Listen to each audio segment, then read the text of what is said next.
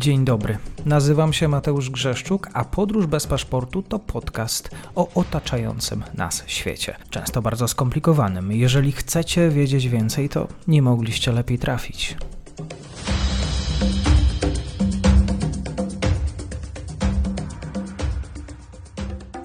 Dzień dobry Państwu, dzień dobry wszystkim słuchaczom. Dzisiaj wyjątkowe spotkanie, bo myślę, że takiego tematu Państwo się nie spodziewali, aczkolwiek kiedy rozmawiamy o wielorybach, o kaszalotach, rozmawiamy o fińskiej służbie zdrowia, czy y, o tym, jak wyglądają mniejszości na, w Azji i Pacyfiku, to spodziewają się, że i niszowe, mało znane tematy, przez które chcę opowiadać świat, się tutaj pojawią. Bardzo się cieszę, bo dzisiaj ze mną jest domowy piekarz, autor książek, książki, o której dzisiaj będziemy rozmawiać, Chleb, domowa piekarnia. Również zapraszam na kanał na YouTubie Kucharski, to dobre linki w opisie. Piotr Kucharski, kłaniam się, dzień dobry. Dzień dobry, witam. Mam nadzieję, że poprzez ten, ten chleb postaramy się troszeczkę przejść do tematów geopolitycznych i, i, i tego, jak chleb się układa na świecie. Chleb e, towarzyszy każdemu, każdy. Kiedyś pamiętam, Jeden z znajomych mówił mi, że, że, bardzo się świetnie świat opowiada, albo takim łącznikiem co do rozmów, interakcji międzyludzkich jest koń. Każdy konia widział, każdy konia dotknął, mm -hmm. albo przynajmniej sobie postara go wyobrazić. Ja myślę, że może wszedłbym z nim w polemikę, powiedziałbym, że właśnie chleb każdy e, gdzieś tam w swoim domu ma, e, każdy chleb zasmakował, każdy chleb jest inny. Czasami e, rozpaczamy nad ceną tego chleba albo dostępnością tego chleba. Chciałem Cię zapytać dzisiaj na początek, bo rozmawiamy coraz częściej również na tym kanale o, o zmianach klimatu. Pszenica jest najczęściej uprawianą rośliną na Ziemi pod względem powierzchni. E, ja tego wyjaśnię, że to jest 217 milionów hektarów, hmm. czyli obszar wielkości Grenlandii. Mapa jest nade mną, może nie widać tej Grenlandii, ale wielki teren. E, I większość e, produkcji pszenicy na dużą skalę oczywiście opiera się na nawozach syntetycznych. Oczywiście one już przyczyniają się do jakichś zmian klimatu, zakwitów glonów, oceaniczne, martwe strefy, tutaj już kończę te biologiczne teksty, ale Eksperci twierdzą, że no właśnie, że podobnie jak inne uprawy, produkcja pszenicy również musi być nieco zrównoważona, e, zmniejszyć zanieczyszczenie. Ja się zastanawiam, czy, czy wśród ekspertów, ludzi, którzy z produktami, tudzież właśnie ty z chlebem e, pracujesz na co dzień, zadajecie sobie takie pytania na temat tego, jak będzie kiedyś wyglądało to zdobycie chleba. E, wiesz co, może zacznę najpierw, bo odniosę się do, do konia.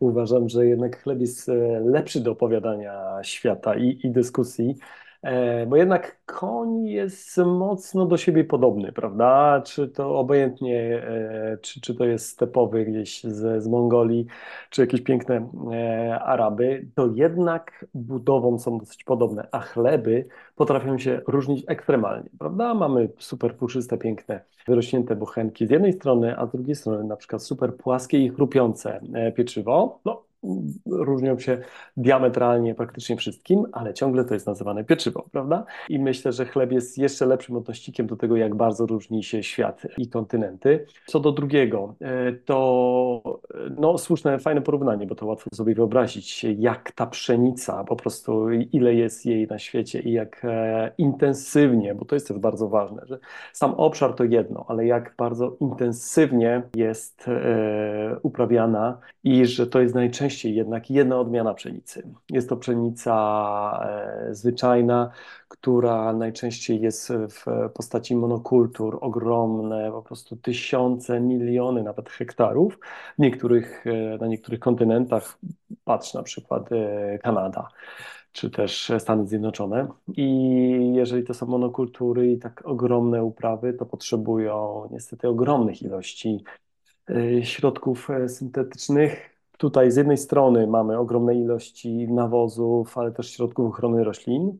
Z drugiej strony mamy inżynierię genetyczną, prawda? I jak poruszamy taką um, geopolitykę, to tutaj z pewnością słyszałeś o firmie Monsanto, która jeszcze ostatnio wchłonęła w ogóle Bayer, czy, czy na odwrót. Na zasadzie takiej, że po prostu, jeżeli ktoś się zastanawia, kto rządzi światem, to jest duża szansa, że to jednak oni, a nie jakaś inna grupa super bogatych ludzi. Dlaczego tak mówię? Ponieważ istnieje coś takiego jak własność do do nasion, e, co, coś w tym stylu, prawda? Tam, tam są w ogóle fachowe e, określenia. Co to oznacza? Że tylko oni mogą produkować i sprzedawać pewien rodzaj nasion na świecie, które nie dają później kolejnych roślin. Mhm. Są to nasiona, które można raz wysiać E, I żeby w ogóle się udała uprawa, trzeba później kupić od nich, od nich szereg najróżniejszych e, środków ochrony roślin, nawozów, które działają tylko i wyłącznie na te nasiona, prawda? Także moim zdaniem jakby sama, sama ilość tej pszenicy i, i wielkość upraw jest problematyczna, ale tutaj też widzę na przykład ogromny problem. Czy branża na to patrzy? Trudno powiedzieć. Myślę, że, że, że coraz większy trend zaczyna być wśród e, piekarzy w ogóle na świecie, tak jak obserwuję, żeby zacząć używać e, pradawnych, pradawnych odmian zbóż.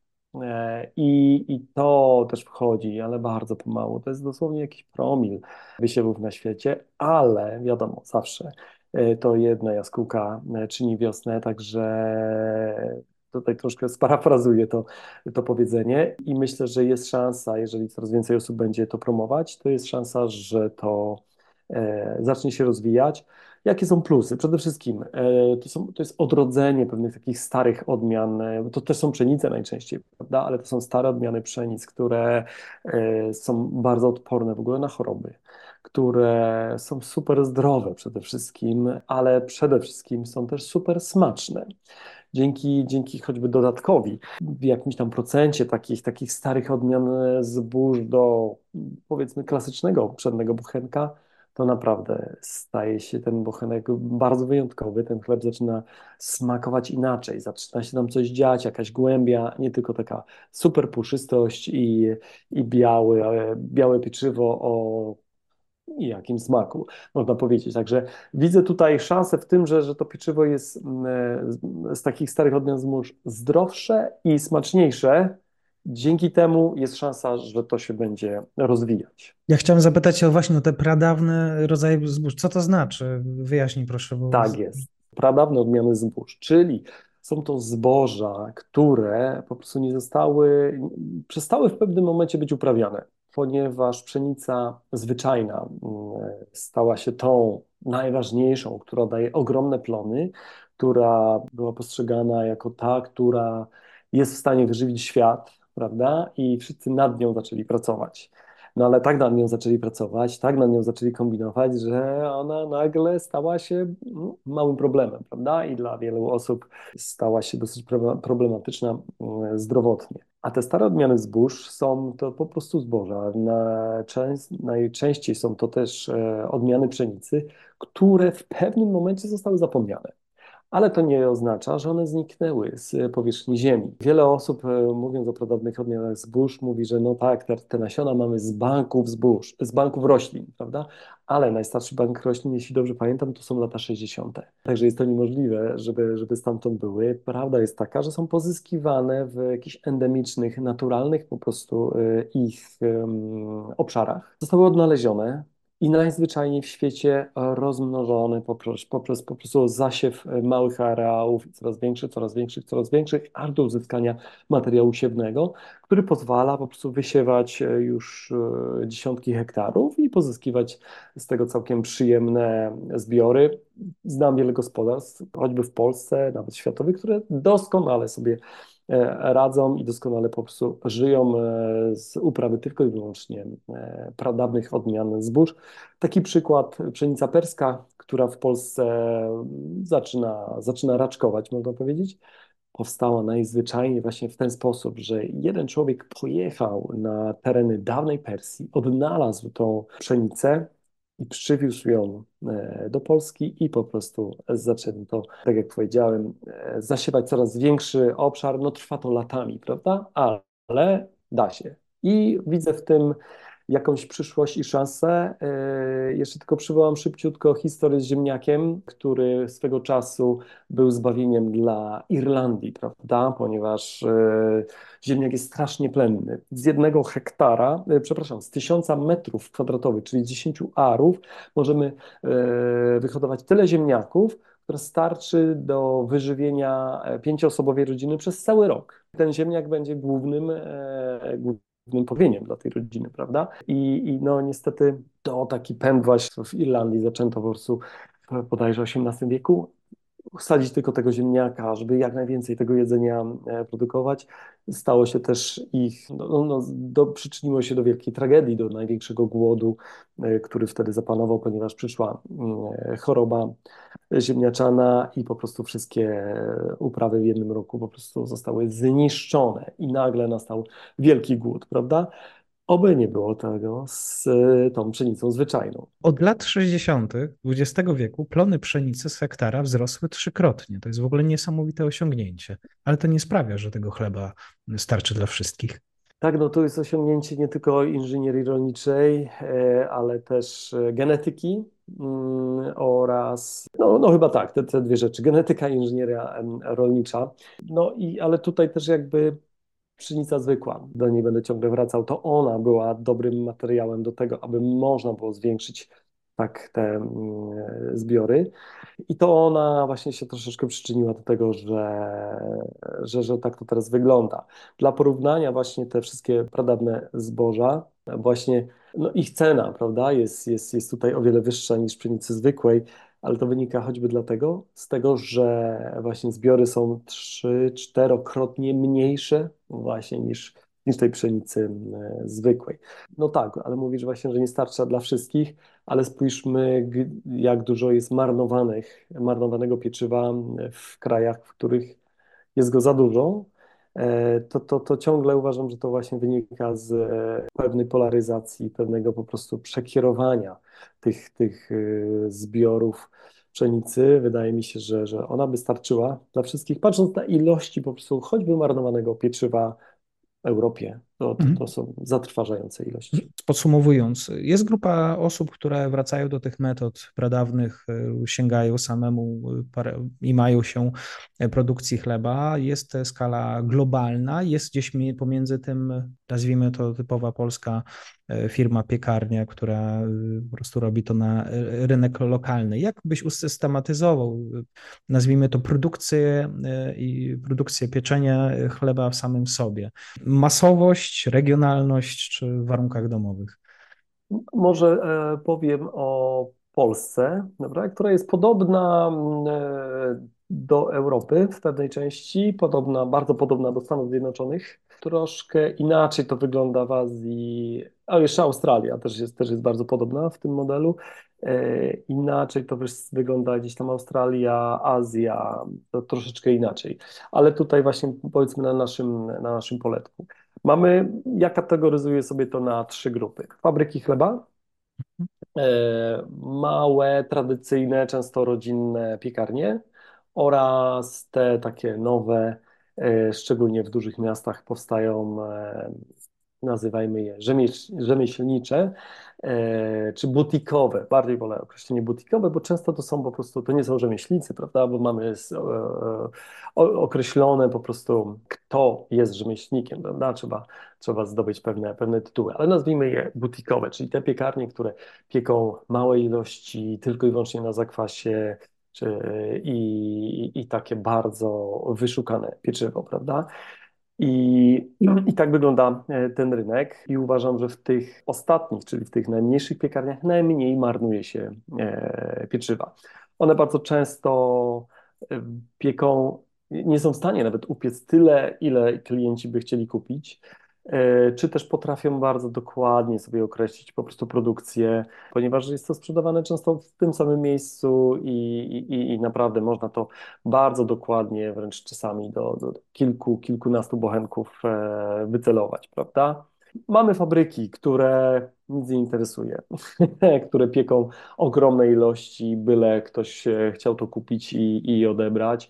E, i problemem marnowania zajmuje się już ten odbiorca, e, czyli wielkie sklepy, często wielkie sklepy powierzchniowe, często są to też fast foody i, i tego typu E, miejsca. I tutaj no, tu trudno określić, prawda, jak, jak to wygląda. Mm, no i mamy, mamy piekarnie te małe, rodzinne i w tym momencie, moim zdaniem, w ogóle one mają duży problem, jak zaistnieć na rynku, ponieważ bardzo dużo się ich zamyka. Przez ostatnie 10-12 lat są to ilości, które idą w tysiące kilkadziesiąt tysięcy, bym nawet powiedział, e, takich piekarni, które zniknęło po prostu z, z mapy Polski. E, I one mają taki problem, że, że pieką właśnie często dużo, e, muszą mieć bardzo szeroki asortyment, ponieważ wszystko trzeba mieć, bo jak klient przyjdzie, to chce to, to, to i, i widzę, że w tym momencie mają taki problem po prostu, żeby się odnaleźć po prostu na tym rynku i, i po, poza tym ludzie jedzą coraz mniej pieczywa. To jest też jedna e, Naprawdę? sprawa. Tak, mhm. tak. Od lat, od lat spada ilość e, spożywanego pieczywa. Też miał bardzo długo złą renomę chleb prawda? Wszyscy dietetycy trąbili, że odstawić chleb, chleb jest niezdrowy, nie wolno, ta cała antyglutenowa, cała historia, która, która była jakieś 10-9 lat temu, prawda? to wszystko się do tego przyczyniło. I, i taki mamy model, prawda? W, w Polsce on jest bardzo podobny w Europie, w Australii, w Stanach Zjednoczonych, troszeczkę inaczej. Tam, tam raczej są bardziej duże fabryki i, i dużo naprawdę świetnych piekarni, takich właśnie butikowych. Na przykład y, Japonia i, i, i część Azji, taka ta, ta super mocno rozwinięta, tam popularność chleba, pieczywa w ogóle na zakwasie w ostatnich latach po prostu rośnie astronomicznie. Tam po prostu wszyscy się w tym zakochali, bo oni nie mieli takich tradycyjnych piekarni, prawda? U nich to jest pewna nowość i zakochali się we francuskim pieczywie, zakochali się w wypiekach na zakwasie i tam, no w tym momencie jedna z najlepszych piekarni, jakie są, to, to jest Japonia, to jest Tajwan, po prostu tam, tam naprawdę ta ich dążenie do perfekcji sprawia też, że, że mają naprawdę świetne wypieki. Mhm. To jeszcze zanim zapytam o te świetne wypieki, bo sobie porozmawiamy o rankingach e, chleba. Wydaje mi się też, że chyba może jednocześnie nie jemy pieczywa w postaci chleba, ale coraz więcej takich przekąsek widzę w piekarniach e, około, około pszenicznych, tak? Tutaj jakiś snack, tutaj jakiś coś z brokułem, tutaj jakaś parówka. Może w tę stronę właśnie idzie. Troszeczkę tak. E, wiele piekarni oferuje również produkty, które można no, takie złapać w rękę i zjeść od razu po wyjściu z piekarni, prawda? Nie tylko słodkie rzeczy, nie tylko drożdżówki, nie tylko pączki, które, które od zawsze były, prawda? I to był taki element w tej piekarni, że kupiło się chleba, ale przy okazji drożdżóweczkę i się zjadło po drodze. E, w tym momencie również możemy to traktować, że, że pojawiają się produkty, które e, ja kojarzę sobie na przykład z Wysp Brytyjskich, prawda? Takie lunchowe. Ta, ta kultura lunchowa jest tam e, ogromna każdy wychodzi na ten lunch i czy to, to jest restauracja, czy to jest właśnie taka gdzieś tam piekarnia, która, która oferuje różne rzeczy w cieście. Ja to tak lubię nazywać. No tak. tak. I, i, i zaczyna to troszeczkę podobnie wyglądać i też w zależności jaka to piekarnia, to, to, to, to różnie to bywa czasami po prostu w tych, e, tych butikowych piekarniach to jest bardzo często jakaś focaccia e, na zakwasie, ale z naprawdę fajnymi dodatkami u góry, świetne kanapki na pieczywie, czy też jakieś na szybko robione tosty i, i, i takie około ciastowo-chlebowe rzeczy w dużych piekarniach, czy też takie małe, mm, jakieś tradycyjne E, to tak właśnie widzę te paróweczki jakieś, te e, typ paluch jakiś, czy też bardzo popularne, moim zdaniem jest coś, co się często nazywa pizzerka. Tak, kawałek ciasta drożdżowego, sos pomidorowy, ser i, i, i leci. Mam taką piekarnię tutaj niedaleko kawiarni, którą prowadzę we Wrocławiu tam pizzerka po prostu rządzi, tam po prostu wszyscy studenci, a to taka dzielnica studencka, po prostu każda przerwa studencka, to tam schodzą moim zdaniem setki pizzerek, każdy student po prostu chodzi i je pizzerkę. Mhm. W takim razie przejdźmy do rankingów. Powiedziałeś o, o, najlepszych tutaj wzorcach azjatyckich, japońskich. Kto, które, które pieczywo ląduje w rankingach najwyżej, które jest najsmaczniejsze, najsmaczniejsze uniwersalnie? No, chyba, chyba cały świat się zachwyca jednak najbardziej tym francuskim, prawda? Bo oni też mają bardzo głębokie, długie tradycje, zresztą jak my, prawda? Ale u nich ten klimat od zawsze pozwalał e, uprawiać dobrej jakości pszenicę o, o, o dużej zawartości glutenu. E, I, I te pieczywo typu bagietki, typu e, chleby po prostu na pszennym zakwasie tam były trochę bardziej dopracowane, plus ta jakby kultura kulinarna we Francji dawała takie możliwości większe, że, że to się na pewno tam sprzeda i, i jakby choćby sam croissant, prawda, no to jest jakby e, rzecz cudowna i, i myślę, że, że to pieczywo francuskie bardzo mocno odciska piętno wszędzie, prawda, na całym świecie. E, ale moim zdaniem ostatnimi laty, choćby w Polsce, bardzo mocno mm, zyskuje pieczywo skandynawskie, aczkolwiek bardziej słodkie, moim zdaniem, niż, e, niż wytrawne. Ciągle te chleby ichnie, mocno żytnie, ciężkie, prawda, często z jakimiś takimi zaparzonymi mąkami żytnimi, czy też super płaskie i chrupiące, nie do końca potrafi się przebić, e, ale słodkie na pewno. Cynamonki, kardamonki, czy też takie bułeczki wypiekane na, na ich odpowiednik naszego tłustego czwartku. O, może tak.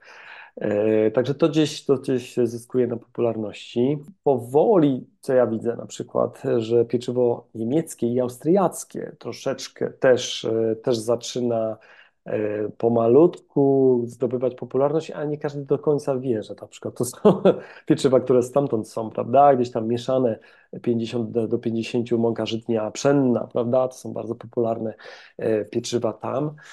Co jeszcze? No, gdzieś tam staramy się też, choćby tu w Polsce, gdzieś tam kultywować te polskie pieczywo i, i, i widzę, że każdy tam super, super pszenny chlebek, super puszysty na zakwasie fajnie, ale dobry, żytni chleb jest zawsze, zawsze w cenie.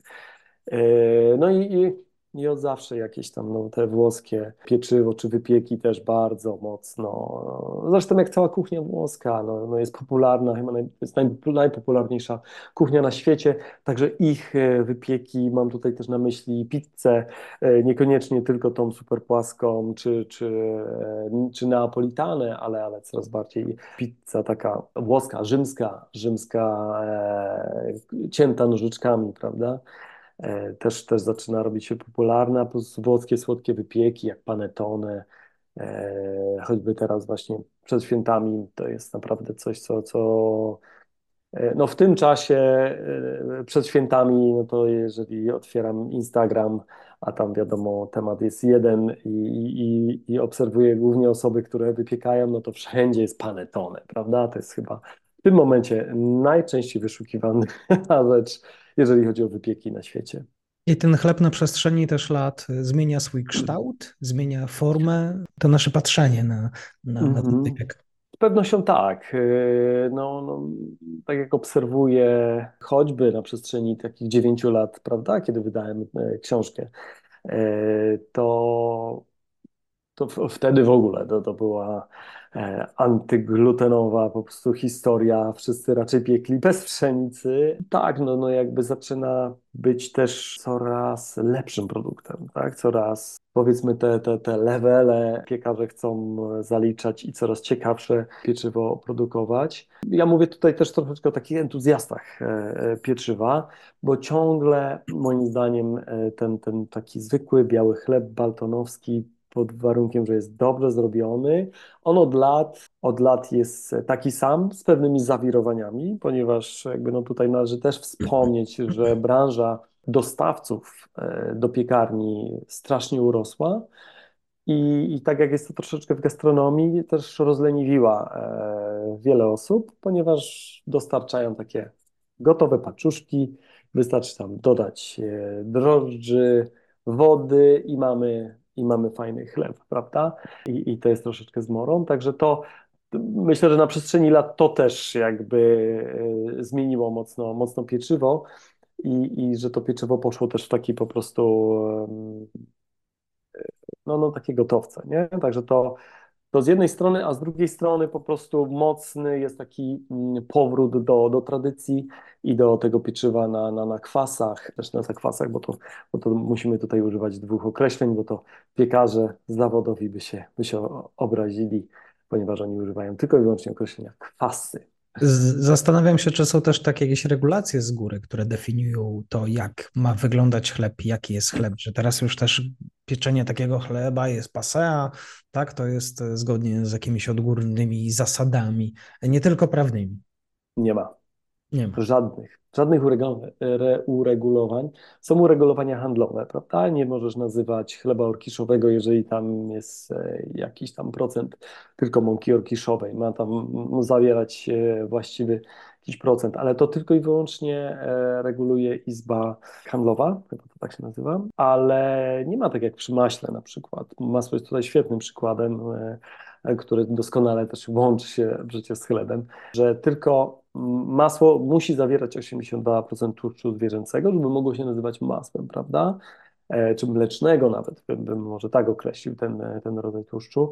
Przy chlebie nie ma takich uregulowań. E, były za komuny e, uregulowania bardzo, bardzo dokładne, jak ma wyglądać chleb, z czego się składać, nawet dopuszczali wtedy w tych uregulowaniach, bo gdzieś na nie sobie trafiłem, że ile procent czerstwego chleba może być przerobione i dodane do, e, do świeżego pieczywa. Nawet były takie rzeczy, prawda? W tym momencie jest wolna amerykanka. Chlebem można nazywać wszystko, co wygląda jak chleb, a, a nawet nie musi powstać z, nie wiem, z produktów jadalnych. Tak już, już mówię e, ekstremalnie, prawda? Ale, ale bardzo często, jeżeli się wczytamy w składy pieczywa, to w życiu byśmy nie powiedzieli, że to jest chleb. Gdybyśmy otrzymali sam skład, prawda? Także, także tak wygląda tak wyglądają uregulowania, czy też nie wyglądają uregulowania. Tak, Ceny chleba się zmieniają. E, Polacy też, tak jak wspominałeś poprzednio,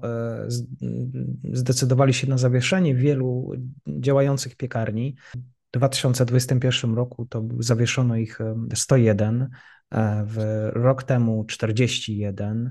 Bułki drożeją, chleb o 11%, chleb o 30%.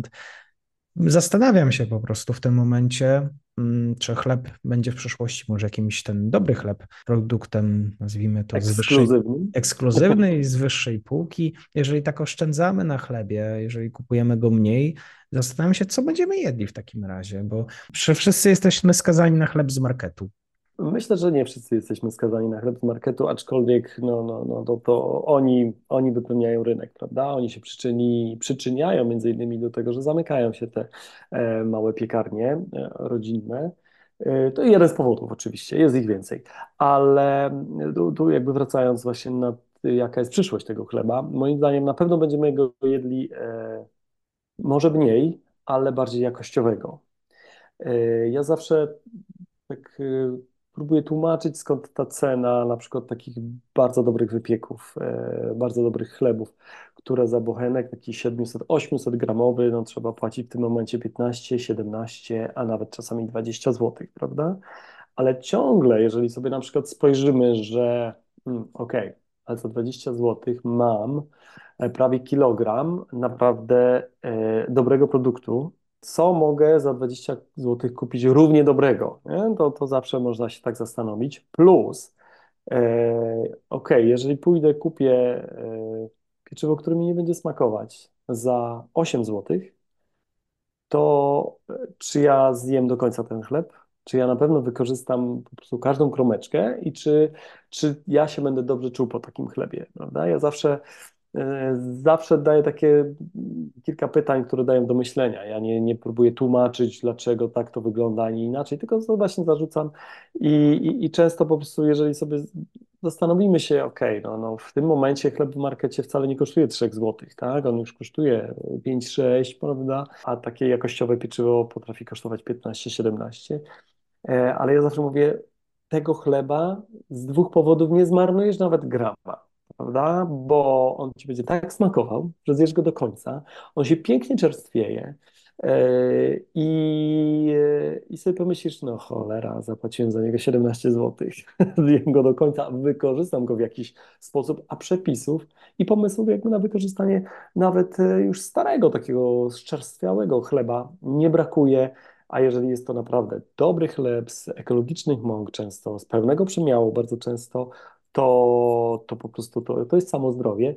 I jeszcze jeden aspekt, dlaczego warto kupować takie pieczywo i dlaczego za chwilę jakby yy, tak może to wyglądać. Jemy mniej takiego pieczywa, a jesteśmy syci, jesteśmy bardziej, bardziej najedzeni. Także jeżeli to wszystko skalkulujemy i policzymy, to wyjdzie na to, że, że ten chleb wcale nie jest, że ten chleb wcale nie jest aż taki drogi. Jak będzie zatem wyglądał chleb przyszłości?